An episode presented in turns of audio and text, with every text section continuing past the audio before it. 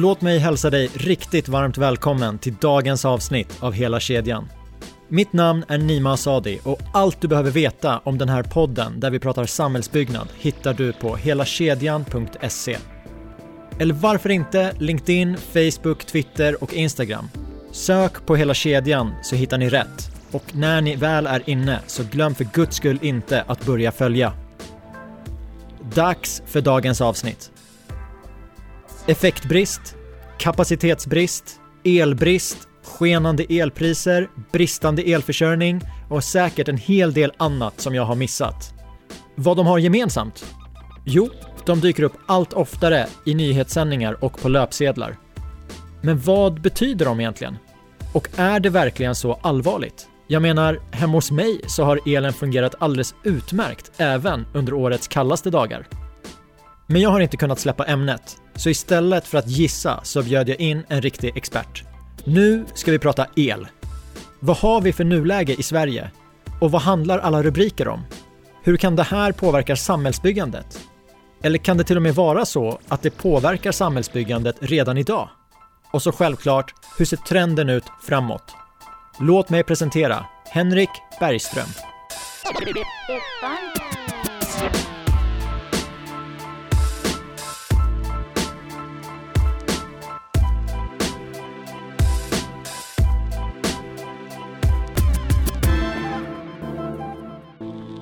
Då kör vi då, från Valhallavägen 203 i Stockholm, Elevios huvudkontor.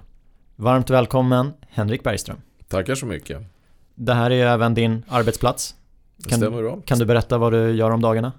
Jag har då en eh, märklig titel som på engelska heter Head of Public Affairs och, och på svenska brukar jag kalla det chef samhällskontakter. Och det innebär eh, att jag jobbar med eh, om dagarna med eh, Ehm, vi, har, vi har så mycket politiska beslut och regleringar eh, som påverkar vår verksamhet. Allt från eh, reglering som styr hur mycket pengar vi ska tjäna och vad man ska ta ut, hur mycket pengar vi får ta ut av kunderna. Eh, till vilken, vilken leveranskvalitet som, som vi ska säkerställa att kunderna ska få också. Och sen miljö och beskattning. Så, så det jag försöker göra är att spegla vad, eh, vad blir konsekvensen av olika beslut. Vad, vad behöver vi på lång sikt för att utveckla den verksamheten jag representerar.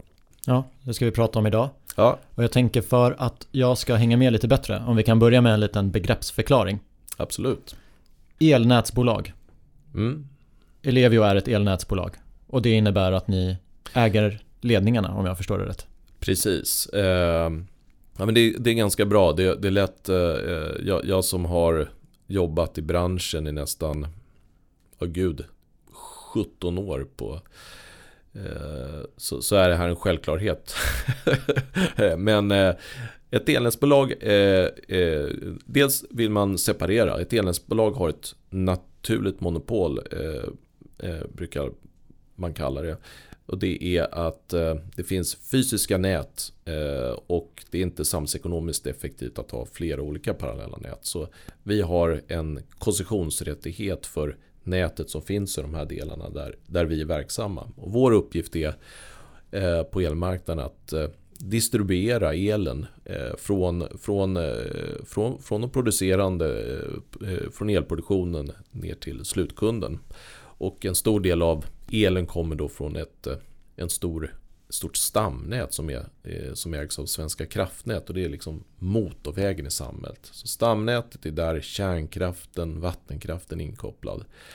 Eh, och eh, och eh, eh, den matas ner då till, till de konsumerande delarna av Sverige. Mycket av vattenkraften finns i norr eh, och kärnkraften finns i, i, de, i de södra delarna, i Mellansverige och södra delarna. Och stamnätet matar då vidare elen till där det förbrukas. Och det är vår uppgift att ta emot det och distribuera det vidare via region och lokalnätet. Du nämnde stamnät och Svenska kraftnät. Är det staten som är ägare där? Exakt. Eh, och det är då eh, svenska staten. Så eh, Svenska kraftnät är något så unikt som de är både ett affärsverk och en myndighet. Så de har lite myndighetsuppdrag och ett affärsverk som ska då drivas eh, på, på ett eh, kommersiellt sätt. Eller de har avkastningskrav och så vidare. Samt att de har ett myndighetsansvar. Så det, så det, det är lite dubbla hattar som nog är komplexa att hålla reda på alla gånger. Ja, det gör att det blir spännande. Det, det, blir, det blir spännande. Och, och de, har haft väldigt, de har väldigt spännande med tanke på allt som händer. Jo, vi kommer komma in på, på det också. Elnätsbolag, ja det är som Ellevio, men elbolag, vad gör de? Ja, och jag menar, vi skulle kunna kalla att vi på ett sätt, vi är också ett elbolag, men man skulle kunna säga att det finns eh, det finns ju då den reglerade verksamheten, där finns vi elnätsbolag och, och stamnätet och vi, vi är till 100% reglerade. Eh, och sen finns det en, marknads, eh, en, en, en konkurrensutsatt marknadsbaserad del av eh, energisystemet. Och där finns det då elproducenter eh, som äger elproduktion. Det kan vara allt från vattenkraft, kärnkraft, vindkraft. De producerar el och säljer det på en elbörs. Eh, och den elbörsen kallas för Nordpol. Och eh, där, där bjuder de ut elen eh, utifrån ett visst pris. Och så finns det då några som handlar på den här elbörsen. De heter elhandlare. Eh, och elhandlarna det är de som slutkunderna tecknar ett avtal med. Och det är därför du har två fakturor. Och det är inte bara slutkunder, det är allt från elintensiv industri till slutkunder då, som har ett elhandelsavtal. Eh, så det är därför du har två fakturor. Du har en faktura mot den reglerade delen där du har ett avtal mot din, din elnätsleverans. Och sen har du också ett avtal för den faktiska elen som, som du förbrukar. Så där, därav att det finns en konkurrensutsatt del också med elhandelsbolag och elproducenter. Så när man säger elbolag så kan man mena elnätsbolag, man kan mena elhandelsbolag? Exakt. Det är, det är en, en, en härligt sätt att förvirra. Gör en rubrik förvirrad. Så, nej men absolut, så elbolag är väl inte ett... Det, det kan ju vara någon som håller på med el på något vis. Eh, och, för att vara... Om man vill vara jättetydlig så, så kan det vara enkelt att eh, använda att det, det finns elhandlare och så finns det elnätsbolag och elproducenter. Jag har redan massa frågor men jag tänker ja. att jag går vidare i begreppsförklaringen. Ja.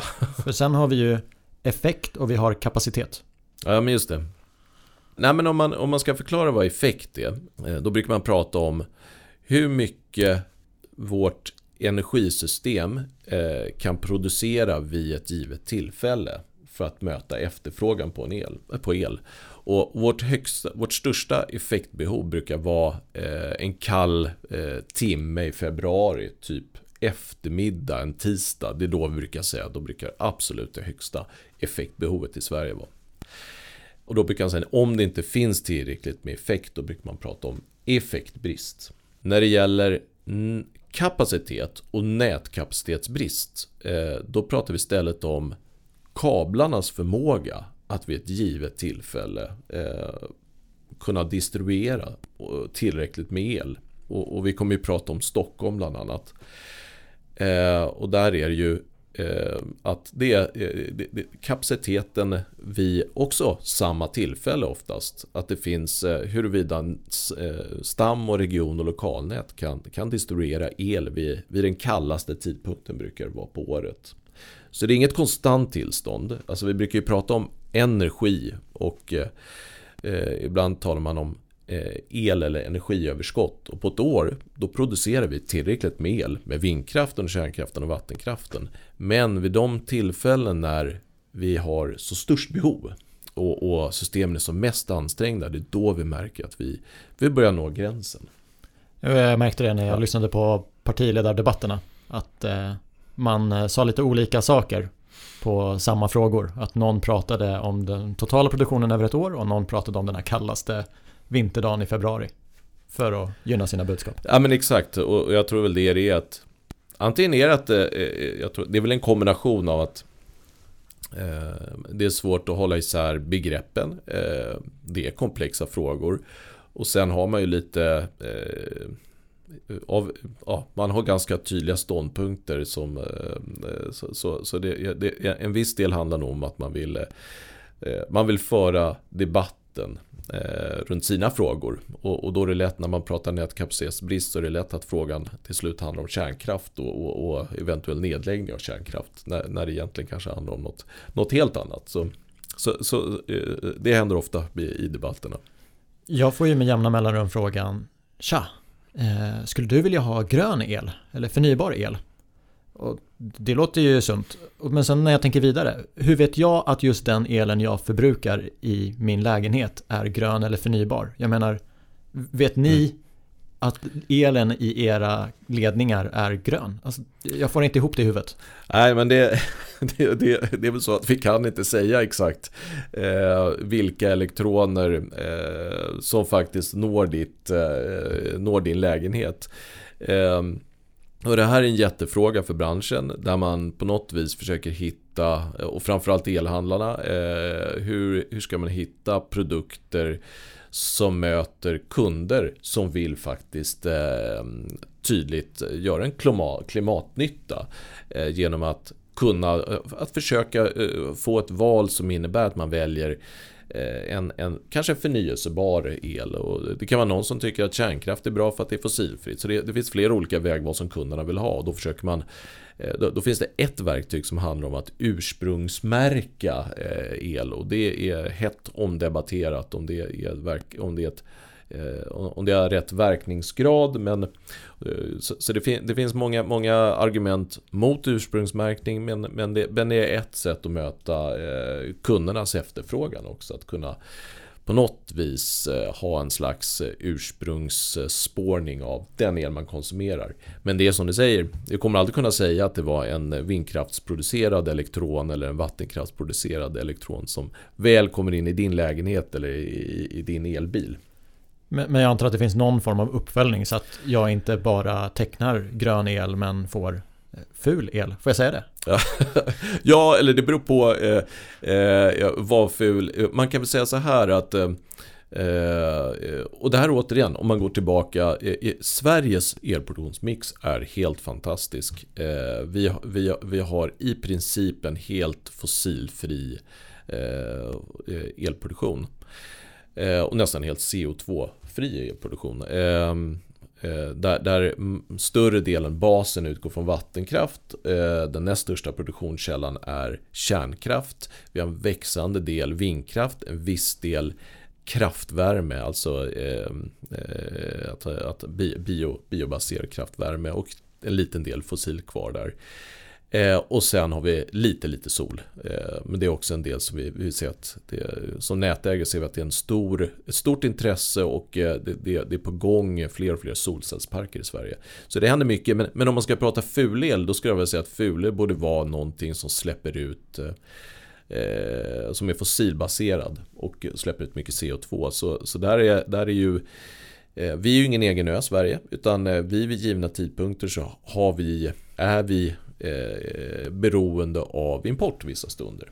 Eh, och, och, då kan man säga att eh, vi har en eh, vi får in i vår elproduktionsmix en, en fossilbaserad el. Eh, och där finns det både på Danmark har en stor andel kraftvärme där det fortfarande finns kvar kolkraft och det finns mycket kvar i Tyskland och, och framförallt i Polen finns det mycket kolkraft kvar. Och det där behöver vi importera vid vissa stunder, vid, vissa givna tidpunkter. Så, så en, en viss marginalproduktion kan man säga är fossilbaserad. Och den skulle jag vilja säga, den är ju ful och den motverkar de klimatmål vi har i, har i Sverige. Så den där tisdagen i februari så kan det vara så att min el är fossilbaserad? Exakt, och, och, och då är väl en av kritiken är Hjälper ursprungsmärkningen om du säger att du har en en, en märkt, urs, ursprungsmärkt vattenkraftsel eller, eller, eller vindkraftsel minskar det vårt behov av den där eh, och den här fossilbaserade produktionen den kalla tisdagen. Nej, den är inte tillräckligt verkningsfull att den minskar behovet och kanske är snarare effektivare att eh, under de timmarna hitta ett sätt att minska konsumtionen. För då minskar vi totalt sett vårt, vårt, eh, vårt energibehov i Sverige.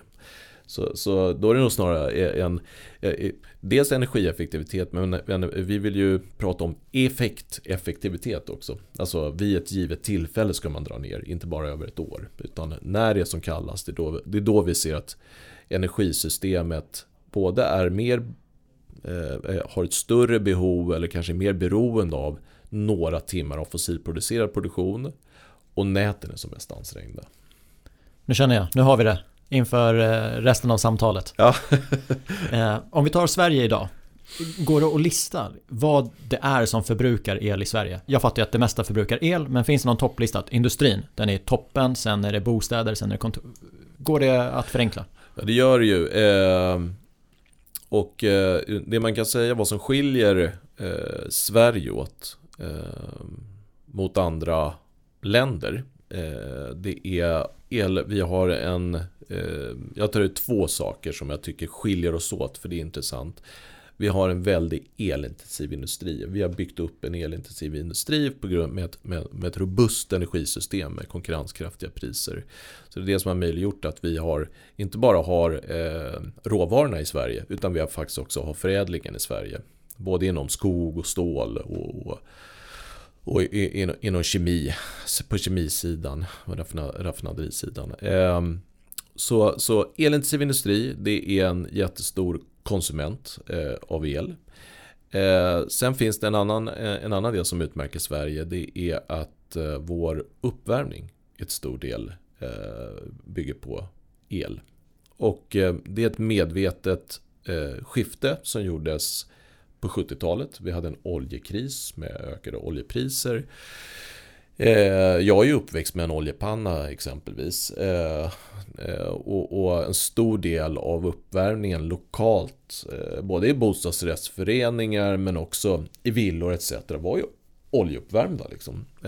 Så både ur en sårbarhetsperspektiv så gjorde man ganska stora, man tog Eh, rejäla samhällsbyggarbeslut om att vi ska fasa ut oljan i Sverige. Och det gjorde man metodiskt och lyckades extremt väl med det.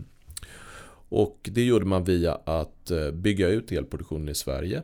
Eh, och man ville ha ett skifte från olja till el. El är en extremt effektiv energibärare också. Så, så det fanns en logik bara där.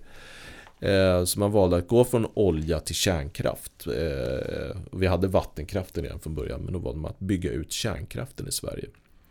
Bland annat Forsmark eh, var en av de större, eh, större reaktorerna som man byggde ut på senare tid. Det var ju omdiskuterat visserligen. Men, men, och samtidigt så byggde man ut näten under den här perioden för den elektrifieringen. Så en stor, den elanvändningen som vi har, eh, mycket är elintensiv industri men sen har vi en stor del bygger också på, eh, på konsumtionssidan på eh, eluppvärmning och det skiljer sig åt mot, mot kontinentala Europa. Där är det ju gasbrännare i princip i, i alla hushållen. Så det, det skulle jag säga, det är, det är lite vad, hur, hur, det ser annorlunda ut eh, i Sverige jämfört med andra länder. Om man då tittar på hur stor andel som industrin står för. Vi har ungefär en, vi har legat ganska exakt de senaste decennierna på runt eh, mellan 100 35-140 terawattimmar, eh, eh terawattimmar eh, per år i elenergiförbrukning i Sverige. Och då står industrin ungefär för 50 terawattimmar. Så de är alltså en extremt stor andel eh, av den totala förbrukningen för, för, om man ser till en enskild sektor. Och, och den nästa stora är ju en, ett, ett större kluster men alla bostäder, serviceverksamheter, alla den typen av företag står för ungefär 70 terawattimmar. Så, så det här är de två stora posterna men industrin enskilt står för en jättestor andel av den totala förbrukningen i Sverige. Så är det. Det där är intressant för du sa de senaste decennierna. Just det. Och vi har ju haft en befolkningsökning under den tiden. Eh, men då är det alltså att vi bygger så pass mycket bättre så att uppvärmningsbehovet är mindre i det nya? Eller finns det fler förklaringar till att det har stått still? Ja men verkligen. Jag, jag, jag tror att eh, vi har ju fler och fler hushållsapparater. Om man tittar i hemmen så har vi fler hushållsapparater. Eh, och, alltså vi konsumerar mer, mer el på, så, på fler olika sätt. Eh, men samtidigt sker en, eh, har det skett en energieffektivisering. Och det handlar både om bostadssidan eh, eh, eh, men, även att all, all elektronik blir mycket energieffektivare också. Så det har varit en naturlig energieffektivisering som hela tiden motverkat en el, ökad elanvändning. För vi har ju sedan 70-talet så har prognoserna varit ganska dramatiska om hur man förutspått att elanvändningen ska öka. Men så har de legat ganska, det har ganska still. Tills nu skulle jag vilja säga. Eh, nu när vi blickar framåt vad energisystemet ska, hur energisystemet ska se ut fram till 2045 så har vi eh, några så disruptiv eller några större förändringar och, och, klimatfrågan är en av de stora förändringarna som, som, som, driver, den här, eh, som driver den ökade elanvändningen skulle jag vilja säga. Och då är det ju, eh, vi har, vi har vårt eh, det, det övergripande FN-målet om att eh, motverka en temperaturhöjning mer än 1,5 och en halv en och en halv grad och i Sverige har vi sagt att till 2045 då ska vi vara inte ha några negativa nettoutsläpp i Sverige. Så här ställer jättestora krav på eh, de stora utsläpparna som finns i Sverige. Och eh, då kan man säga, jag berättar ju nu om hur, hur ser fördelningen ut på elanvändningen. Om man tittar på utsläppen i Sverige då är det ungefär 30% av utsläppen kommer från industrin 30% av utsläppen, fossilutsläppen kommer från transportsektorn. Så där har vi två relativt eh, transportsektorn pratar man om är relativt lågt hängande frukt. Den, den, eh, vi har ökat antalet bilar men utsläppen har minskat. Men nu vill vi ta ett större kliv att verkligen minska utsläppen per, per individ. Och där är elektrifieringen en jätteviktig del. Och vi ser nu att bilarna finns, eh, personbilarna finns. Eh, de börjar snart närma sig att det är samma, eh, det är samma total cost of ownership brukar man tala om. Alltså att kostnaden för totala ägandet av en elbil eh, är jämförbar med en, med en fossildriven. Så det driver på en, en, en rejäl ökad elanvändning. Eh, och eh, sen ser vi även att industrin eh, har ju flera olika av sina processer som skulle kunna elektrifieras för att kunna minska utsläppen.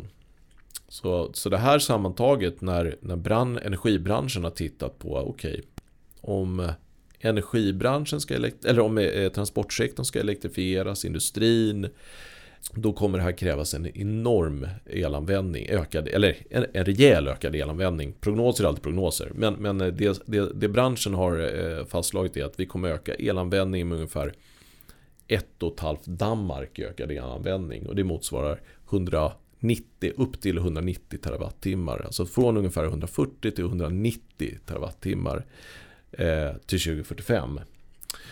Eh, så, så det, är en jätte, det är en jätteökning. Jag tror att Svenskt Näringsliv de pekar på dryga 200 terawattimmar eh, när de gör sina beräkningar inom sina scenarier. Så, så det, det är inget scenario som pekar på att vi kommer ligga stilla utan de stora omställningarna som olika sektorer står inför det kommer ju driva en, en förändringar.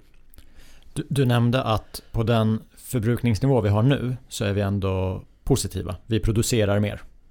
Hur har den utvecklingen gått? Förbrukningen har ju stått still i decennier men producerar vi mer idag? Tänker på det som håller på att hända med kärnkraften också, det lär väl spela in? Ja men exakt. Vi hade ju ett en, eh, rekord Eh, det, det, är lite så här, eh, det är intressant. Här gäller också att skilja på begreppen. Men, men eh, vi hade ett rekordöverskott på elproduktion. Och en nettoexport och det bygger också på hur mycket vi behöver konsumera i landet i sig. Då. Att om det är mild vinter så kan det också innebära att vi kan exportera mer. För då behöver vi inte förbruka lika mycket internt. Men, men om man tittar på vad som har skett på ett medellång sikt så är det att vi har fasat ut ett antal reaktorer inom kärnkraften. Fler, fler, fler är ehm, eh, ja, Barsebäck, Barsebäck sedan länge. Eh, en av reaktorerna är i Oskarshamn och eh, nu är det väl Ringhals 1 som, som står still i, i Ringhals. Samtidigt som man har gjort eh, man, har, man har ökat effekten i befintlig kärnkraft och man har ökat effekten i befintlig vattenkraft. Ehm, och sen har vi fått in en massa vindkraft. Eh, så det innebär att elproduktionen har ju eh, lyckats. Eh, vi har kunnat öka elproduktionen i Sverige. Men den har legat ungefär på samma nivåer som, som tidigare. Men, men vi har lyckats motverka ungefär samma sak där.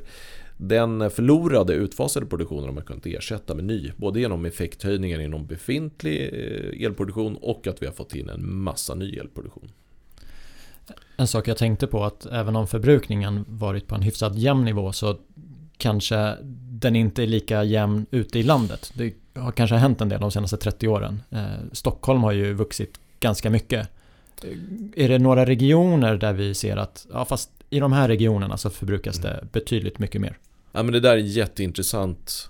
Eh, Där är, det, eh, det är det som gör det spännande att jobba på ett elnätsbolag också. För att vi, speciellt eftersom vi har elnät över hela Sverige, i alla fall Mellansverige. Det vi kan se det är att vi har, vi har en avfolkning. Så, så många av de redan glesbyggda näten, där flyttar det fler människor ifrån. Så det är fler som betalar för, färre som betalar för det befintliga nätet och konsumtionen minskar. Eh, samtidigt Stockholm, eh, Uppsala, det är inte vårt nät, men, men eh, om man tar storstadsregionerna så ser vi en stor urbaniseringstrend med jätteinflytt där konsumtionen då ökar och tätheten och bostadsbyggandet ökar, infrastrukturen måste utvecklas så, så i Stockholm växer så det knakar. Eh, vi har sett en 30% eller våra prognoser visar på en 30% befolkningsutveckling till 2030 från några år bak i tiden då, fram till 2030. Men samtidigt då händer det andra saker. Om man tittar nu, det kommer ju ske, eh, elektrifiering kommer ju driva också eh, att vi kommer konsumera mer. Men om vi kollar på nuläget så har vi också en ny typ av industrier som etablerar sig Eh, både i storstäder men också där det finns tillgänglig kapacitet. Så i, i spåret av digitaliseringen så har vi datacenter som etablerar sig och de är jätteeffektkrävande. Alltså de behöver mycket energi vid ett givet tillfälle. Eller hela, ganska stabilt över tiden faktiskt. Primärt handlar det om fläktsystem för att kyla ner, eh, kyla ner servrarna. Och här finns det allt från de här gigantiska cloud-serverhallarna som eh, Facebook och Amazon har för att lagra data. Och sen finns det de här mindre spesade datahallarna som är till för att snabbt kunna lagra och fånga upp information. Eh, det kan vara för finansiella sektorn som behöver ta mycket data på snabb tid och då behöver man liksom korta ner dispatchtiderna. Eh, så där, där är jättespännande. Så, så det är en naturlig del att effektbehovet kommer öka av den här nya typen av industrier. Vi har också från regeringens sida skattesubventionerat den här typen av industrier. Så vi vill ju att de ska komma till Sverige. Och det, det kan man ju eh, det, det, vissa, det, det, kan bli en konstig diskussion. Vissa data alla det här måste komma. Det, det, det, är inte antingen eller. Utan vill vi ha en ökad digitalisering, självkörande bilar, då behöver vi datacenter i städer. Eh, sen är frågan om de här större cloud-datacentren, om de skapar nytta. Men ja, de etablerar sig också. och Det kan vara, eh, jag menar, det etableras några i, i, i Sörmland, eh, eh, där som har skapat då, eller Mälardalen som har skapat väldiga utmaningar med kapacitetstillgängligheten. Och sen finns det en annan sida av myntet också. Det är att i, i våra nät där vi har avfolkning så ser vi också att det är en jätteökning av vindkraft. Och som jag nämnde tidigare då. Så där den här omställningen av elproduktionen gör ju att Eh, vi matar in mer energi där färre människor bor. Så det är en avfolkning samtidigt som vi får mer inmatad eh, energi. Och, och, här kan man ju tänka sig att det finns nya sätt att utveckla sådana här regioner. Att vad kan man etablera för typ av konsumtion nära elproduktionen exempelvis. Men det, det, det, det vi ser det är att de här, det här decenniet och kommande decennier eh, det går extremt mycket fortare och mer händer inom energisektorn och i elnätet än vad det någonsin gjort. Eh, så, så parallellt med de här snabba förändringarna ser vi också att elintensiv industri står för, inför förändringar. Eh, nu under pandemin med covid-19 också så ser vi att behovet av exempelvis papper för inbjudningar, dels att vi har en, har en, eh, en långsiktig trend att tidningspapper och den typen av eh, produkter minskar i användning rätt rejält. Men de har abrupt minskat under eh, coronatiderna, eller covid-19, på grund av att det är färre events och tryckmaterial inbjudningar som används. Så flera producenter och tryckpapper har ju valt att lägga ner den typen av produktion och istället satsa på kartong eller förpackningar som istället ökar då. Ersätter plastpåsarna. Och ersätter plastpåsarna, ja men det är precis. Eh, och då har vi, det finns ett exempel, Ortviken i, i Sundsvall där jag tror det är SCA. Om det inte är SCA och Stora Enso då får de ringa och klaga på mig. Men antingen var det SCA eller, eller Stora Enso. Eh, som valde att eh, förändra sin tryckmassa produktion och då gick man från det, det kanske inte säger så mycket de här talen men, men det ändå påvisar skillnaden att man hade ett effektbehov på 220 megawatt eh, med tryckmassatillverkningen och när man lägger ner den så kommer man bara ha 10 megawatt i, effektbehov. Så det här innebär att helt plötsligt så står vi med ett nät Eh, det, det, här är inte vårt nät då, men, men man kan, om det inte används till något annat, vilket jag tror det kommer göra, men man kan också se det som att om det inte finns ett alternativ att använda nätet till, då är det ett nät som inte behöver användas längre. Som har en total överkapacitet. Och, och, så det händer jättemycket eh, Både traditionell industri står inför förändringar. De står inför att ställa om till el eller lägga ner. Eh, och så har vi nya industrier, ny elproduktion. Så det är en extremt spännande tid. Och det ställer höga krav på energisystemet. Det är en spännande tid, men eh, jag, läste ett av dina citat och då kände jag att det, det kan också uppfattas som en utmanande tid. Jag läser citatet. Ellevio kan behöva neka anslutningar till elnätet. Städerna växer mer än vad man förutsatt och vi ser att stamnätet inte kan mata in tillräckligt med effekt på kort sikt i Stockholm. Det gäller att man får rimliga möjligheter att satsa i nätet. Och det här är då om Stockholm, så kan vi ta nuläget. Vad, vad ville du förmedla med, med citatet? Ja men jätte, eh, det, det, det där har jag sagt många gånger. Eh, och det, det, är, det är nästan svårt att eh, begripa att det kan bli så. Men vi har i flera år jobbat med stamnätet, då Svenska kraftnät.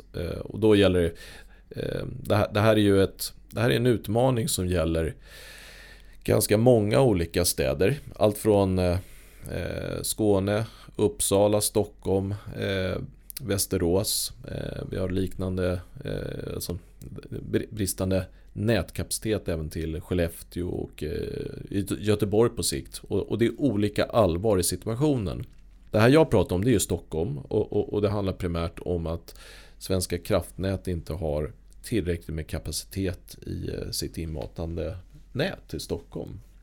Och eh, vi som Ellevio, vi har ett regionnät eh, framförallt. Eh, vi har ett antal förorter och så har vi stadskärnan i Stockholm. Och vi är beroende av, för att säkerställa eh, el till, till eh, kunderna i Stockholm.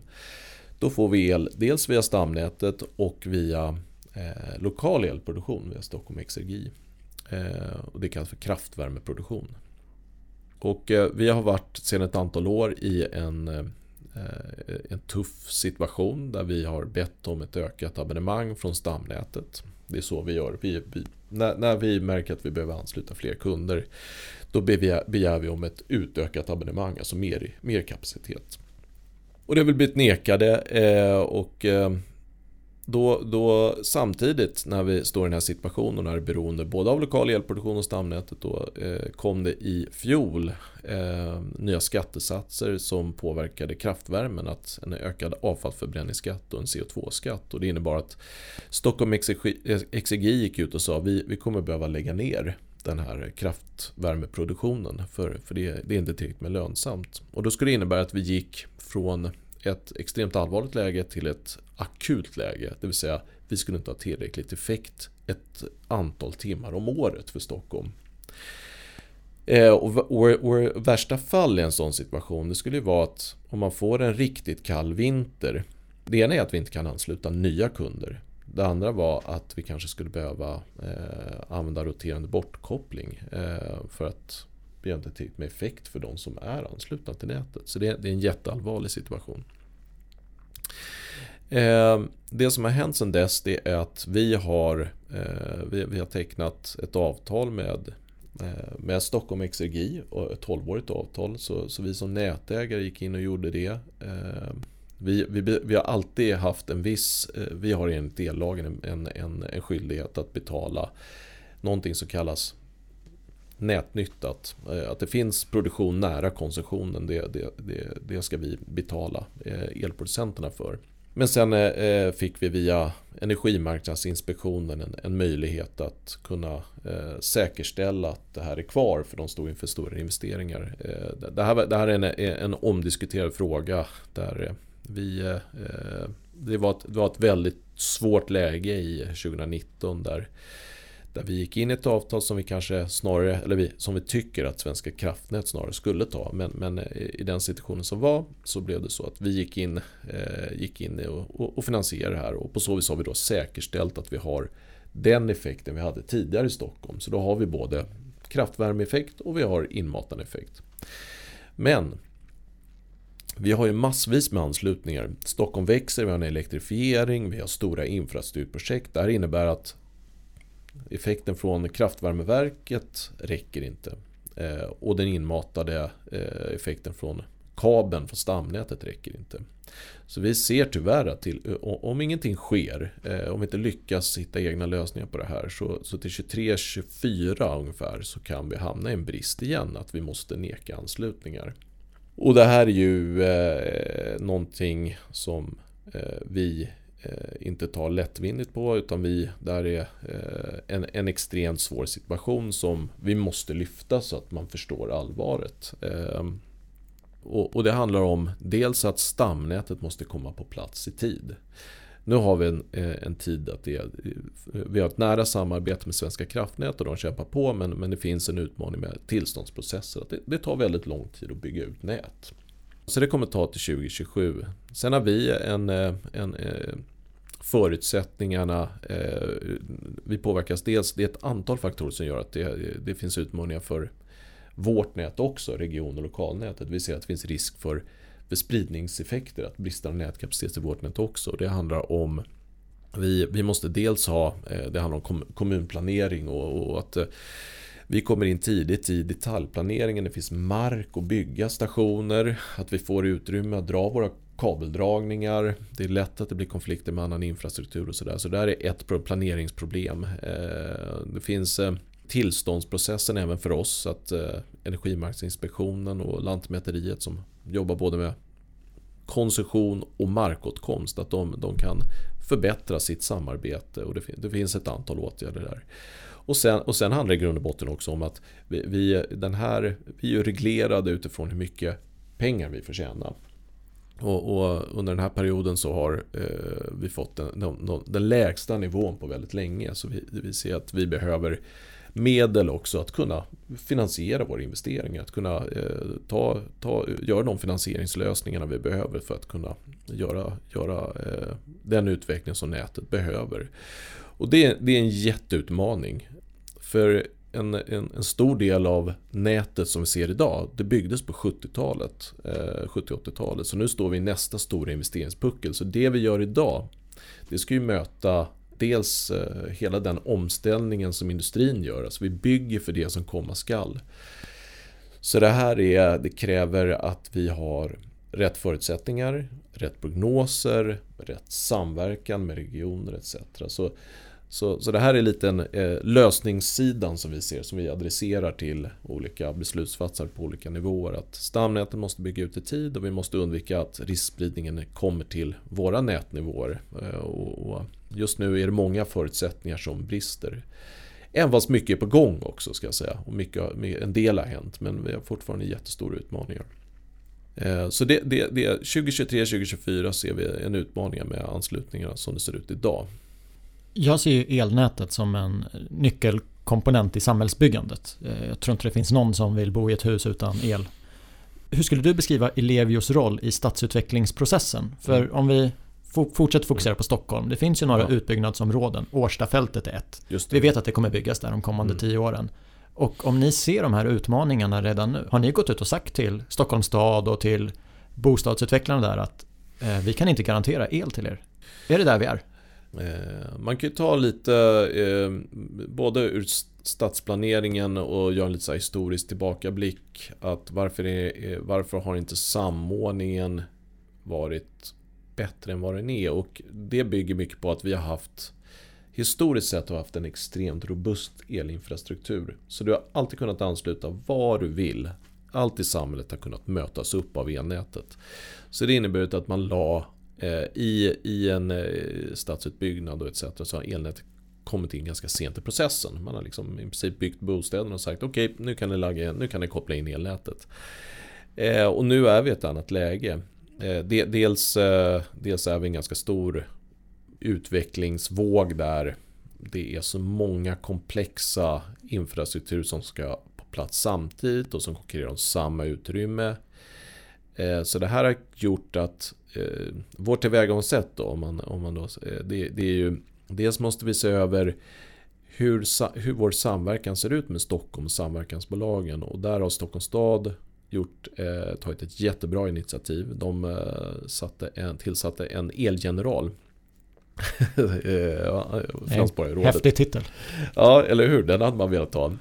Eh, och den elgeneralen var eh, Åsa Tenius eh, som nu har ersatts av Ted inte Ted El, men Ted L. eh, och det finns en, en styrgrupp där, där, där man samverkan, eh, där, där vi som elnätsinfrastruktur och Stockholm Exergi eh, möter förvaltningsbolagen för, och, och, och för en diskussion om problemområden och hur, lösa, hur, hur kan man lösa upp knutar på bra sätt eh, när det finns konflikter mellan förvaltningsbolag eller planeringsfrågor. Så det här är ett, det här är ett sätt att infrastruktur, förvaltningsbolag, eh, elförsörjning kommer samman och, och, och diskuterar och försöker hitta bättre processer. Eh, och vi har ett liknande utmaning att Täby, där jag bor, eh, där har vi också en, det är en del av Sverigeförhandlingen där man har en jätteexploateringsprojekt i Täby galopp. Och, och ehm, där har vi också en, en, eh, ett nytt samverkan med, med kommunen eh, tillsammans med Vattenfall och jag tror även Svenska kraftnät är med på en bit eh, där vi diskuterar hur kan vi förbättra våra processer, dialoger med bostadsutvecklare, hur får vi bra prognoser på effektbehovet för, för de som utvecklar så vi vet hur vi ska utveckla näten och hitta nya smarta lösningar. Så, så jag ser att på den nivån så, så börjar det hända eh, eh stegvis har vi kommit en bit på vägen och, och och Länsstyrelsen har även tagit i, eh, gjort en utredning om det här där de tittat på hur kan man förbättra dialog och samverkan.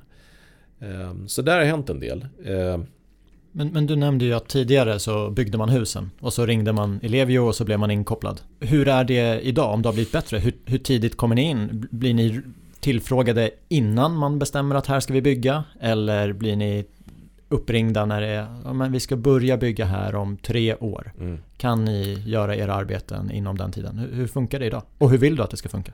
Ja, men dels eh, är det, vi tror att kommunen har en, en, en viktig roll i att eh, ta en helhetsbild över effektbehovet i, i ett område som utvecklas. Eh, för, för det ger oss Alltså vi jagar ju, eller försöker bygga upp den förståelsen så att vi bygger rätt. Eh, men det värsta exemplet är om vi, vi bygger med för lite kapacitet och måste bygga om. Eh, det är ju det är en jättefördyrande lösning. Men, men just att eh, komma in, att, att kommunen tar ett, ett ansvar för att förstå exakt hur behovet ser ut. Sen, sen, så det är, en, det är väl en konkret sak och att vi, vi kommer in tidigare i detaljplaneringen där man då eh, funderar ut om 40 år så måste vi faktiskt bygga om de här anläggningarna och då måste vi ha utrymme för det så man inte bara bygger bostäder runt eh, elanläggningarna och, och, och glömmer bort det. Så, så den delen är också bra att eh, på något förebyggande, alltså ha, ha, en, ha med elen tydligare. Sen finns det en annan aspekt. Allting byggs ju under mark. Men det finns inga detaljplaner under mark. Så vi har fjärrvärme, fiber, el, vatten, kors och tvärs som går åt alla håll. Så man skulle behöva en helt annan struktur i hur man, eh, hur man förlägger eller hur man planerar under mark också, inte bara ovan mark. Eh, så det, här, det, är en sån sak som vi har tagit upp som, eh, som kommer bli viktigare. Eh, exempelvis i Stockholm så har vi haft en plan på hur vi ska bygga en, en kabeldragning. Och sen, sen kommer tunnelbanan och säger nej men där kommer gå en tunnelbana. Ni får, ni får dra den här kabeldragningen 300 meter under mark och upp igen. Kul. Och det blir ju det är ett jätteprojekt. Så, så det här är, det, det både kan vara fördyrande, komplext och tidsödande. Och så det här där är i den samhällsplaneringsdelen. Sen har ju vi en del, om, om man gör lite mer höjer upp blicken lite i Stockholm. Eh, det vi det vi gör utöver att vi eh, liksom försöker hitta sätt att Eh, Eh, bland annat eh, skapa bättre intäktsutrymme för investeringar via reglermodellen och, och olika lösningar där som, som regeringen har tittat på. Så, så tittar vi, vad, vad kan vi göra för att överbrygga Eh, mellan investeringar. Och då är ju eh, att eh, skapa en flexiblare elanvändning, att skapa incitament för kunderna. Oftast pratar vi som bransch att kunderna ska bli flexiblare. Och jag tror inte att man vill det per automatik, men vi måste hitta smarta modeller för, för hur kunderna ska vilja vara flexiblare. Och där har vi en vi har, vi har en pilotprojekt med tillsammans med Svenska kraftnät och Vattenfall där Ellevio tar fram en, en flexmarknad kallar vi det. Där, eh, om ni jämför med den här, jag nämnde ju Nordpool där man, där man kan handla och köpa el. Eh, så det här en, en testmarknad för där man eh, kan erbjuda att antingen styra ner, eller helt enkelt styra ner flexibilitet, styra ner sin elkonsumtion. Så fastighetsbolag kan titta att men vi har ett fläktsystem som, eller vi, har en, vi har förskolor som det inte sitter en kotte i efter klockan eh, fem. Eh, så då ska vi kunna styra ner fläktsystemen. Eh, och vi kan släcka. Framförallt i fläktsystemen tror jag. Eh, och då kan vi säga men eh, vi eh, erbjuder att styra ner fläktarna tre timmar. Minst eh, fyra dagar i sträck. Eh, eller vad det nu kan vara. Och mot det här så vill vi ha en sån här ersättning. Och, då kan vi som elnätsbolag köpa den flexibiliteten. Eller, eller Svenska kraftnät. Eh, och en kanske inte hjälper. Men om vi har 10 eller 100 i samma område. Då kan vi helt plötsligt ackumulera. Sammanlaget så kan det ge en ganska stor effekt. Ja, för jag har också funderat på det här med incitament och elförbrukning. För ja. om vi återigen sätter oss i min lägenhet. Just det. Om jag inte kollar på TV, om jag inte kör tvättmaskinen, om jag inte använder min spis vad kan det bli på en månad? 70 kronor lägre förbrukning. Så det är ju inte pengarna som Om är incitamentet för, för mig som boende. Då är det ju att jag vill göra något bra. Så, så incitament för mig är ju att säga hur bidrar jag till att Exakt. det blir bättre i Sverige. Men är, är, när man pratar om ert system, är det det ekonomiska då som... Blir, blir det så stora medel? Det kanske, de kanske har högre förbrukning? Nej men jag tror du har... Du har eh, eh, för det här pratas det jättemycket om att eh, ekonomiska eh, kickbacken blir så liten ändå.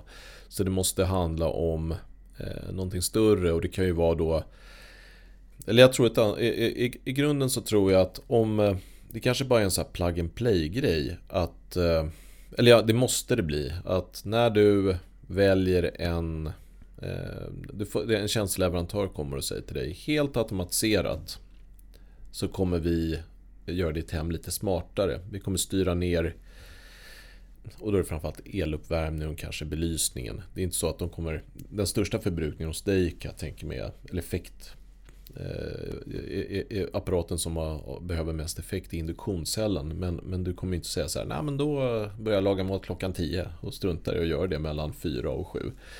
Då behöver de en rejäl peng för att ändra ett sånt beteende. Det blir salladsdieten istället. Eller takeaway, det ja. gynnar lokala eh, restauranger. Nej, men, ehm, så jag, jag, tror eh, det ska vara det som går. Eh, kan man för det vet jag att det finns jättemånga leverantörer. Smart styrning, helt automatiserat och det ska inte alltså påverka din komfort. Om det då då tickar in helt automatiserat, du gör det en gång och så funkar det här bara. Den den som vi har kontakt med det är en, en typ av aggregator, en tjänstleverantör som har tecknat avtal med dig och kanske 3000 andra lägenheter. Eller villor helst för där finns störst potential. Eh, och just haft en plug play, eh, en, en automatiserad tjänst som inte påverkar komforten. Men som ändå då ganska förutsägbar. Och de kan komma till oss och säga, ja men nu har vi 3000 styrbara villor. Eh, och det kommer vi kunna utan att deras komfort kommer eh, påverkas så finns det en tröghet i värmen som gör att vi kan styra ner eluppvärmningen exempelvis. Tre timmar. Eh, och här kan vi göra varannan dag kanske. Och, och, då kan vi då mötas upp och eh, då blir det ett pris mot den aggregatorn. Eh, för dig blir det ett, lite, ett ekonomiskt incitament som inte påverkar en komfort. Det blir bara att du drar ner din, eh, ditt pris. Eh, eller du får ett lite lägre pris eller att det är en liten kickback. Sen, sen tror jag att många pratar ju också om, om vi bortser från det ekonomiska och det här att det är helt automatiserat, att det finns en, en, en mer eh, värderingsbaserad eh, incitament. Eh, som om vi tar det här de kallaste timmarna så har vi ett visst importbehov av fossilbaserad elproduktion. då kan det vara ett incitament. Att eh, vi minskar en effektivitet och en minskad konsumtion minskar det fossila produktions, produktionsbehovet. Och, och, ju mer vi minskar desto mer kanske vi kan exportera också. Och då minskar behovet av den fossilbaserade produktionen på kontinenten. Så där har vi ju liksom en att bidra till minskade CO2-utsläpp och klimatfrågan kan ju vara ett incitament. Så det tror jag, det kan nog vara, det, eh, det är lite sån så här skräp. Alla, det här är, nu använder jag exakt samma exempel som varenda människa i den här branschen använder. Men sortera skräp du går eh, från din lägenhet eller ett hus och, och, och, och släpar bort en novemberdag till en sån här sopsorteringsställe. Eh, du får inte en spänn för det men ändå står du där och geggar med konservburkar och eh, petflaskor, tidningar, kartonger i, i snålblåsten. Eh, kladdig om händerna så går det sen hem. och eh, det är ju av att eh, du tror på det att du ska göra det. Eh, det är bra liksom med ökad återvinning och materialåtervinning.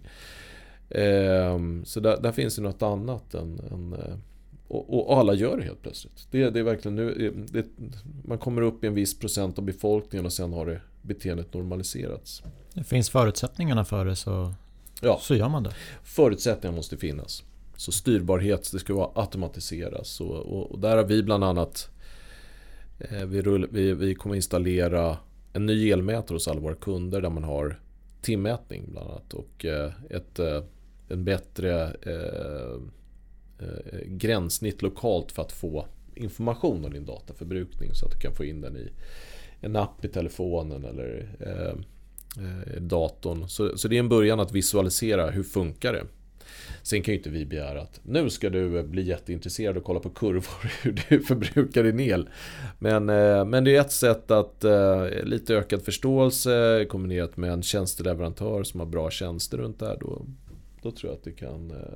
Det, det, det, det är en del att, på slutkundssidan.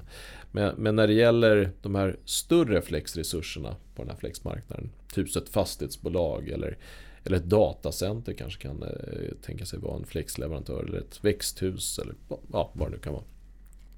Då handlar det om en transaktion. Mm. Jag tror att det dels kan, kan vara bra för deras egen hållbarhetsrapportering och deras, eh, deras egen hållbarhetsresa också visa, visa på att de är en del av att minska påfrestningen på elsystemet. Så det, det finns nog den fördelen också för företag. Men, men det måste finnas en transaktionsdel för det finns investeringar också att kunna styra ner sin sammankopplad med att kunna styra ner sin konsumtion som, som man måste kunna finansiera samtidigt. Precis, jag tänker att en del i transaktionen det är såklart Ellevio och er ja. kassa men mm. där kan ju staten också gå in och komma med sina styrmedel? Ja, där, de är ju väl, eh, ja indirekt kan man väl säga. Men, men det mesta, det, det man har sagt och som Energimarknadsinspektionen vill, det är att det ska vara så marknadsbaserat som möjligt och då är det Primärt så handlar det om att det är, är det ett problem för våra kunder med ett nätproblem i vårt nät. Då handlar det om att det är vi som har ett behov av den här tjänsten.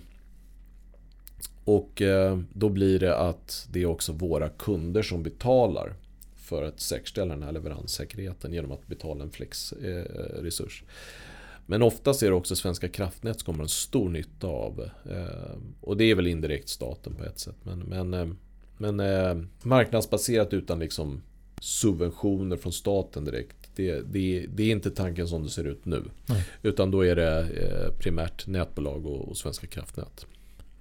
Om vi går tillbaka till eh, nyanslutningar mm. Eh, så tänker jag att en del i det som jag uppfattar det, det är ju kapacitetsbristen in till Stockholm. Just det.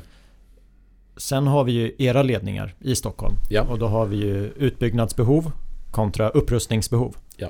Är det en utmaning för er eller känner ni så här, nej men det där har vi koll på. Ge oss bara rätt kapacitet in till våra ledningar. Vi har ju eh, vi har bäst, eh, vi, sitter ju med nätplanering och våra prognoser och, och, och, och eh, men med, med personal antingen via entreprenadavtal eller egna som, som planerar och gör de här antingen anslutningar och, och eh, eh, reinvesteringar i näten. Så, så det, det man kan väl börja med att säga att Ja, det finns dels en ett... Eh, eh det händer så extremt mycket. Alla gör rätt mycket. Så entreprenadsektorn har ju det är fullt ös om man säger så. Det är både att det är konkurrens om personalen eh, på entreprenadsidan. Eh, att det finns tillräckligt stora entreprenad lösningar. Eh, för, för det blir mer kostnadseffektivt att göra stora eh, lösningar. Och där, där är det stor konkurrens. Sen gäller det jag nämnde att vi eh, vi måste prioritera vilka projekt som vi prioriterar först. Med tanke på att vi heller har, har inte förmågan via regleringen att göra så många projekt som, som vi hade önskat på samma gång. Men, men om man, eh, så, så, där är ju, det är ju flaskhalsar och tillståndsprocessen är flaskhalsar. Eh, och eh, de, det finns flera saker, där vi kan, där jobbar vi på det, på att lösa det. Det som ligger i vårt mandat. när det gäller anslutningar så har vi en en anslutningsplikt inom en viss tid. Så när man har gjort en föranmälan och offerten är besvarad någonstans där, då, då, då finns det en tids... Eh, då är vi lagskyldiga att göra, göra en anslutning. Så där är alltid drivet att anslutningarna, om det finns kapacitet, då, då ska vi genomföra dem. Eh, och, så, och det här är jätteviktigt och där, där, där, där tror jag att vi som nätbolag eh, när vi lyssnar på våra kunder och får feedback från andra så måste vi bli Eh, transparentare och förutsägbarare för kunderna i den här processen. Att man förstår hur den funkar. Och den blir krångligare när vi vet att vi har nätkapacitetsbrist. Då måste vi hantera anslutningsordningen annorlunda.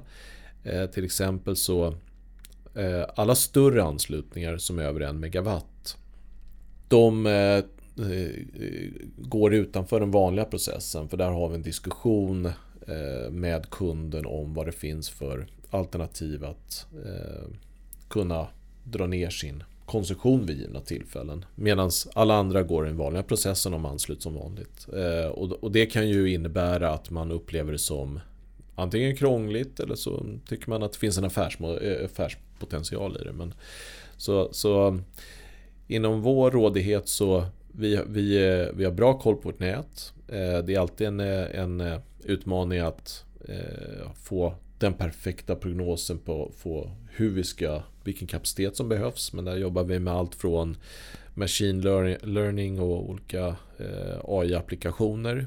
Eh, men sen är det alltid indatan som är i boven att eh, kunna prognostisera rätt med elektrifieringen och antal datacenter etc.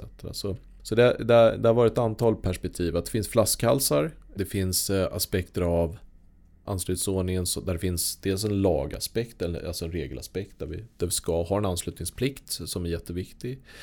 Eh, och sen finns det en upplevelse av anslutning hos kunderna också när man står inför den här nätkapacitetsbristen. Att vi kommunicerar att det finns i översta nätet en, en brist. Och, och det trattas ner till att vi måste hantera anslutningarna längst ner ute i nätet lite annorlunda mot vad vi brukar. Men det är primärt de större anslutningar som, som påverkas. Det är intressant att höra hur du ser på, för att mitt perspektiv, mm. visst jag har hört att eh, den här frågan om kapacitetsbrist, effektbrist, det har diskuterats. Men Just jag har ju inte stött på det i min vardag.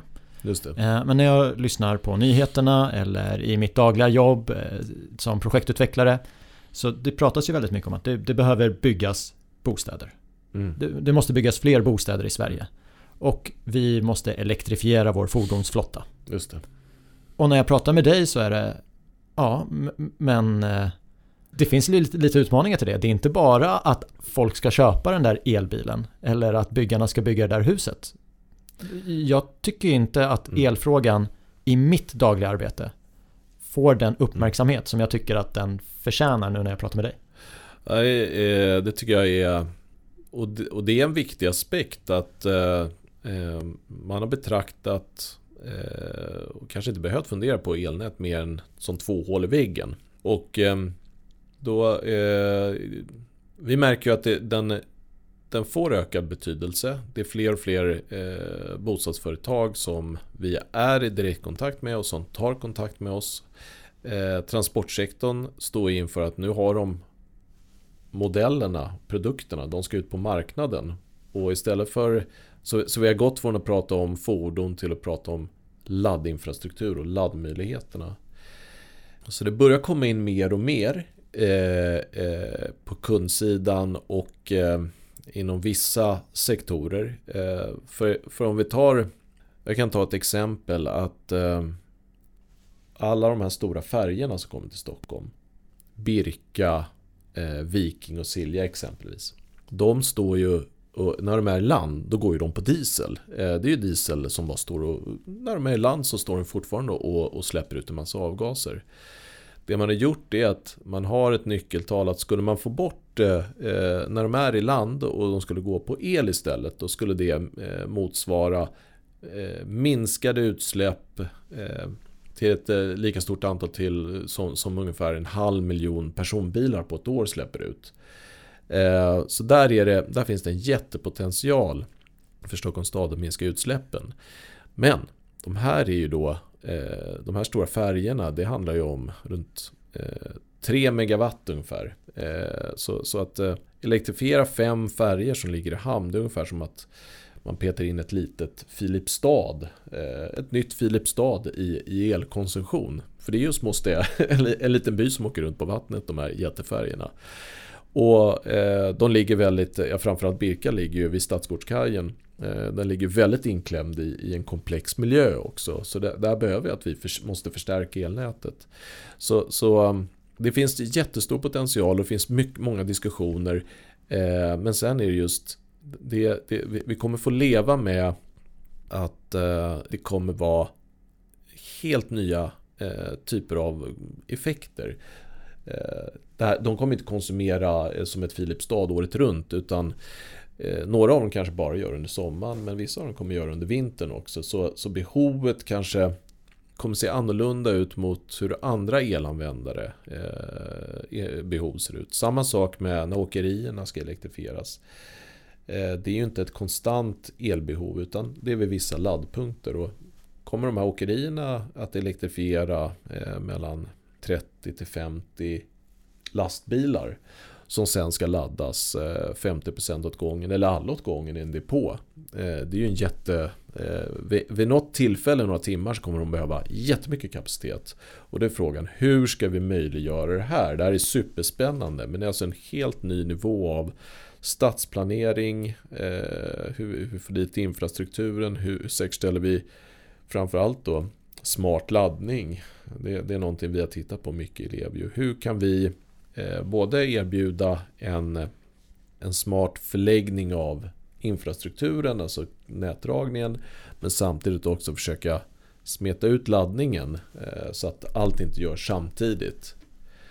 Och det här är, ja, det är väl någonting vi, vi, vi tittar på på alla de här nya elektrifieringsåtgärderna. Oavsett om det är färjorna som behöver jättemycket eh, kräm eller om det är åkerierna som blir som så småstäder som dyker upp i vår, in till Stockholm. Eller tunnelbanan, fast den, där behöver ju el konstant. Men, men när det gäller smart laddning, när det är vissa typer av fordon, där tror vi på att det eventuellt kan gå att eh, eh, ha en smartare laddningsbehov, eller laddningscykel där vi har tariffer som styr hur man laddar. Ja. Men det är intressant det du säger om färgerna, för att jag hörde också om det, jag tror det var förra året. Och jag har hela tiden trott att de väljer dieseln för att det är billigare. Jag har inte reflekterat över att ja, men det kanske inte finns kapacitet just där. Sen det här du säger om eh, bussdepåer. Det är ju ja. också superintressant för att där var jag inne på, ja men om man ställer laddstolparna vid slutstationerna för att en buss åker till sin slutstation några gånger under dagen och då slipper man ladda massa bussar i depån. Men då fick jag ju höra att ja fast en slutstation kan ju flyttas. Vi ändrar ju på busslinjer. Ja just det. Just så då har man ju den eh, utmaningen mm. också så det krävs ju ett samspel. Ja, intressant att höra. Jag tänker eh, solceller, det är ju väldigt mycket på tapeten. Mm. Lokala nät har också börjat komma upp. Vi pratade lite innan och då sa jag att off-grid är ett modord i fastighetsbranschen. Kan vi prata lite om vad, vad, vad tror du om, om vi tar lokala nät? Mm. Är, är det någonting som du tror på? Det, det, jag får väl, jag ser väl, det, dels kommer det Inom en ny lagstiftning från EU så pratar man mycket om det här. Eh, och det är en konsekvens av hur det ser ut i vissa europeiska länder. Att det finns många sådana här energigemenskaper heter det. Att man har ett eget nät där man producerar, handlar eh, och, och, distribuerar el inom en liksom avgränsad, eh, en, en, i, i, en egen, som en egen liten förening kanske man kan kalla det. Och, och, för att då kunna, eftersom sådana finns redan idag så vill man då möta upp eh, med lagstiftning runt det här. Och då blir det snarare som en ny sak när den väl ska implementeras i Sverige. Att, eh, och då kan man se det som en möjlighet om kunder och eh, olika samhällen vill ha det eh, olika anledningar. Att de har förutsättningar att det kan vara ett kostnadseffektivt, samhällsekonomiskt eh, effektivt också sätt. Då tror jag att det, det är väl jättespännande. Och det kan kanske erbjuda en, en nytta för oss som nätägare. Men, men vi tänker väl så här att eh, jag tror att det, det, är bra att inte bryta upp fysiska nätet. Utan att där är bra att det finns en ägare som av, av säkerhetsskäl har koll på det. Eh, och som bygger och förvaltar och utvecklar det. Men att man gör ett virtuellt, virtuella så fall nät där, där man kan sälja el, om man har solceller, bergvärme, batterier, att eh, man där kan samverka och, och försöka hitta lösningar där man kan förbruka och, och, producera och distribuera el smartare mellan varandra i en community. Och, och, jag vet att många fastighetsägare ser en stor potential för det här. Framförallt eh, delning av fastighetsel som produceras eh, på en fastighet utan att man behöver utlösa en, en, en, en beskattning av det. Och, det. och det tycker jag, vill kunderna ha det då tycker vi att då, då är det väl eh, rimlig, en rimlig utveckling. Sen, sen måste man ju också se som vi pratade om innan också, att en, en, eh, nätet är, har en fantastisk potential att vara eh, ur ett delningsekonomiskt perspektiv. Att här har vi en utbyggd infrastruktur över hela Sverige. Den finns verkligen överallt och den är robust. Den, den må vara gammal men den är de eh, bästa leveranssäkerheterna i världen. Och eh, här har vi då möjlighet att låta kunder installera solceller. Eh, de har ett elbilsbatteri eh, och då har de möjlighet att lagra sin solcellsproduktion i elbilsbatteriet och sen kunna sälja ut det på nätet när kanske enhetsägaren eller någon annan har behov av det. Så, så jag ser ju off-grid tror jag är, det är i så fall en lösning för eh, glesbygdssamhällen eh, eller verksamheter där, där, det inte, där det finns, eh, om det finns ett off-grid alternativ då kan det vara smartare än att dra en, en, ledning längst ut på nätet. Men, men annars tror jag snarare att eh, vi ska bejaka den infrastruktur vi har och möjligheterna med det. Och om man kopplar på solceller på det här lite off-grid-tänket det finns många kvadratmeter tak. Solen skiner i alla fall några dagar om året. Kan solcellerna hjälpa oss med kapacitetsbristen någonting? Om det här är, eh, jag får den frågan mycket från, från staden också. Eh, och, och, det handlar just om att vi har, ja men det är precis som du säger, det finns eh, ytor som har potential. Eh, det händer så extremt mycket på teknikutvecklingen med solceller. Solceller som är mer anpassade efter vårt klimat etc. Som har bättre uppfång eh, och andra ja, eh, som eh, sätts på andra vinklar och så kan ta emot, fånga upp sol på olika sätt. Jag tänker att eh, solceller kommer ha en jättebra förmåga att öka vår vårt energiöverskott eh, på årsbasis. Eh, och, och, det kommer ge kanske en potential att under vissa delar av året eh, ge oss möjlighet att exportera fossilfri el eh, till kontinentaleuropa. Ehm, typ Polen eh, och, och tränga undan fossilproducerad. Kunderna vill ha det så det, det är positivt. Men eh, sen, sen har vi tyvärr eh, som man märker nu när man ställde om till vintertid att det blir kolsvart vid tre typ. Och det lyser liksom ingenting förrän eller vi har ingen sol förrän åtta på morgonen. Så vi går in i en period när vi inte kan Ja, eh, och det är ganska molnigt och regnigt under den här perioden. Så, så verkningsgraden eh, är inte så tillförlitlig eh, diplomatiskt uttryckt här. Och att vi kan förlita oss på solceller för att lösa nätkapacitetsbristen. För den är Nätkapacitetsbristen och effektbristen det, det är primärt de, de tider på, timmar på året när vi producerar som mest och så störst elbehov när det är som kallast i Sverige. Och det är januari, februari där någonstans är det eh, oftast då eh, det, det är utifrån de timmarna som systemet måste vara optimerat. Eh, annars stöter vi på problem. Och tyvärr har det är väl då solceller inte har som... Eh, ja, produktionen är, är, är, inte tillräcklig helt enkelt för att möta behovet under den perioden. Så det är snarare lokal lagring som ska till än att ha massa solceller på taken, även om de kan samverka? Ja, jag, jag tror eh, elbilsbatteriet tror jag är super... Eh, ja, man kan ju säga att eh, solcellerna producerar ju några timmar under vintern per dag eller någon timme sådär, eller flera.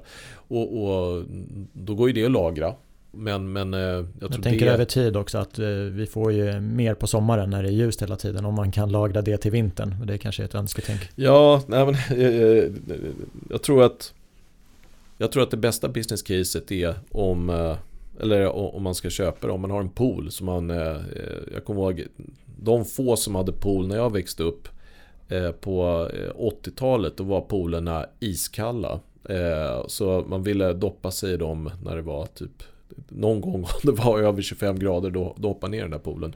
Nu brukar ju nu är liksom komfortbehovet har ju ökat så, eh, och, och flera pooler upplever det som i vissa eh, delar av landet. Men det är fortfarande en väldig minoritet. Men för de som har pool och värmer upp poolen, typ som min syster, då skulle solceller vara ett utmärkt sätt att finansiera för det är under då, då har man verkningsgraden är som störst eh, och det är en, det är, det är en elanvändare som man använder som mest under samma period. Så det vore en, en bra matchning. Annars, eh, så där, där är det att man konsumerar då när, när den är verkna, eh, har hög verkningsgrad. Annars så, så, så eh, ser jag att det är svårt att, i alla fall på hushållsnivå, hitta en vettig säsongslagring för solceller. Däremot så, jag menar, vätgaspotentialen kopplat mot vind och lagring där, det det är intressant. Och en vätgasstrategi som komplement till där Sverige är. Eh, med mer vindkraft.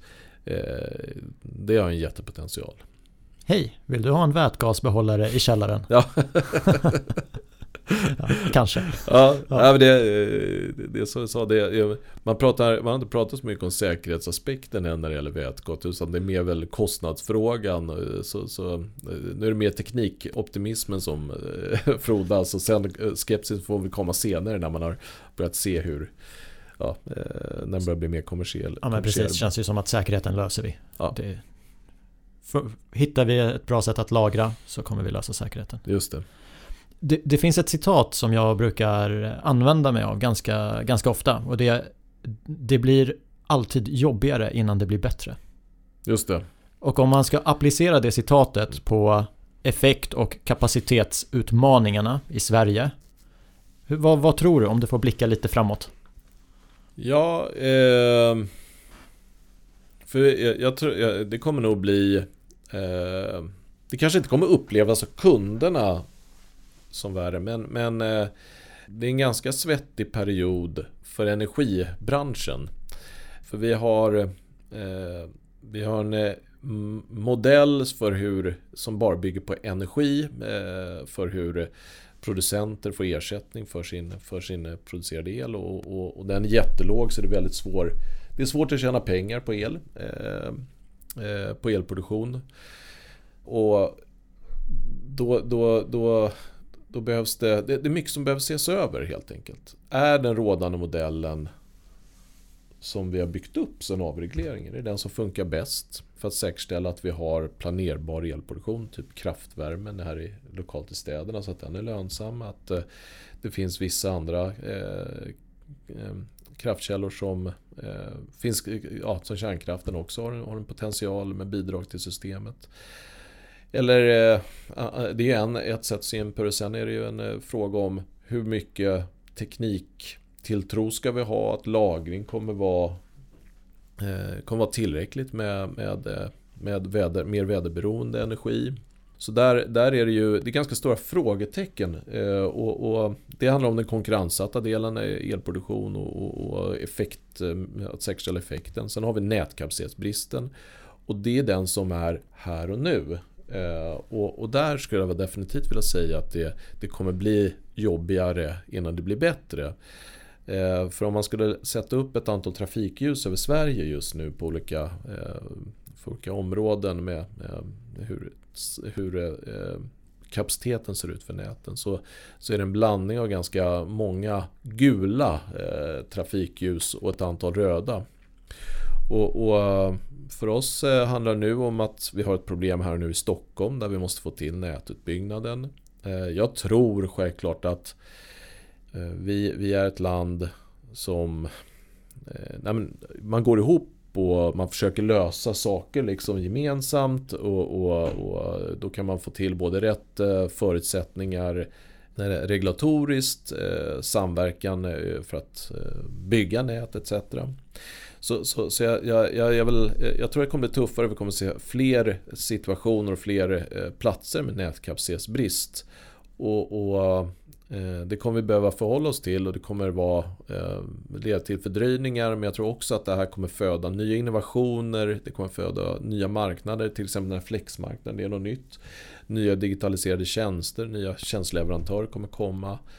Eh, så jag tror innovation kombinerat med att vi fortsatt har en, en ett fokus på att bygga ett, en robust, ett robust energisystem och och att den diskussionen som eh, när vi pratar om eh, utveckling av marknadsmodeller och lagstiftning bygger på faktabaserade diskussioner. Ibland blir det så mycket tyckande och det blir... Eh, eh ja, man, jag tycker vi kommer... Man kommer lätt fel. Så, så jag tror att det är en utmaning. Vi måste komma ihop. och, och en, en, en, en politisk effektöverenskommelse exempelvis, som även Stockholms handelskammare tog upp. Eh, det, det, den, eh, den var ett bra fortsättning från det vi hade tidigare, en energiöverenskommelse. Och en del av den som jag ser det är att regeringen har börjat med en elnätsdialog bland annat. Den, den ser vi fram emot, att det kan bli en bra en, en, en elnätsdialog med kunder, eh, eh nätbolag och, och myndighet. För att eh, liksom hitta eh, rätt förutsättningar för näten framgent. Eh, och jag tror även på de samverkan som vi har påbörjat själva med regioner och kommuner i själva samhällsplaneringen blir viktig. Men sen även en, en tätare dialog med våra kunder kommer krävas nu när man är i en sån här situation. Du pratar om att vi måste komma tillsammans. Vi måste samarbeta och jag tänker om man kopplar det till bostäder återigen så finns det ibland olika läger. Bostadsutvecklarna säger till kommunerna att era planprocesser tar alldeles för lång tid. Och kommunerna säger så här, det gör de inte alls det, men ni väljer att sitta på marken och så börjar ni bygga när marknadsläget eh, är gynnsamt för er. I den här debatten, finns det olika läger här också? Eller vet Svenska kraftnät att ja, vi borde bygga ut stamnätet? Eller är de på er att nej, det är den här energin ni får, ni får fördela den på ett klokt sätt? Vi har en bra, en bra samverkan med Svenska kraftnät. Men, men det är klart att de, de pekar på att vi eh, Svenska kraftnät måste också ha rätt förutsättningar. Deras mantra idag är att de bygger inte på spekulation. Och det innebär att eh, det, det, jag, ser det som en, en svårighet att då eh, kunna bygga rätt och i tid. Eh, jag vet att när man tittar på Energimarknadsinspektionen följer upp eh, investeringarna som eh, både bransch och Svenska kraftnät gör. Då, då hade man en prognos på, eh, så, eh, på, på hur mycket investeringar som man, man ville få till under de förra fyra, fyra åren. Alltså 20, vad blir 20, 2016 till eh, 2019.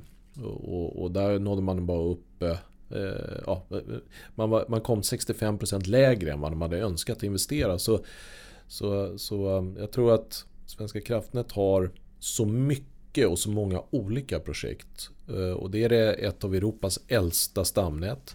Så, så uh, de, uh, de kämpar på. Eh, men de har utmaningar med tillståndsprocesser och markåtkomst och, en entreprenadmarknad som de måste utveckla. Så, så deras uppdrag är så mer mångfacetterat än vad det var kanske när de byggde, gjorde en sån här stor satsning förra gången. Och, och, och om man tittar för vår del. Vi måste eh, ge rätt prognoser till Svenska kraftnät. Så de vet vad de ska bygga för.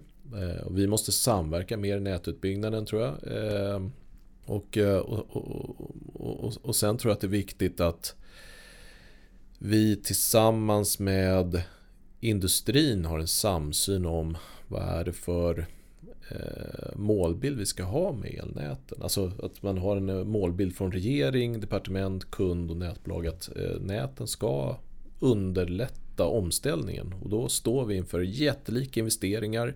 Det måste vi få möjliggöra kapital som ska in för att möjliggöra de här investeringarna. Och där finns det självklart olika läger. Vad får det kosta ett elnät? Och, och det, är ju, det är ju så att elnätet betalas av kunderna. Och eh, det kommer alltid vara en konflikt om, om den kostnaden. Men, men vill vi göra den här omställningen att Sverige ska bli ett eh, land som är fossilfritt till 2045 då, då har vi stora utmaningar. Det vill vi. Det vill vi. Tack för att du gästade hela kedjan. Tack så mycket. Kul att vara här. It's fun.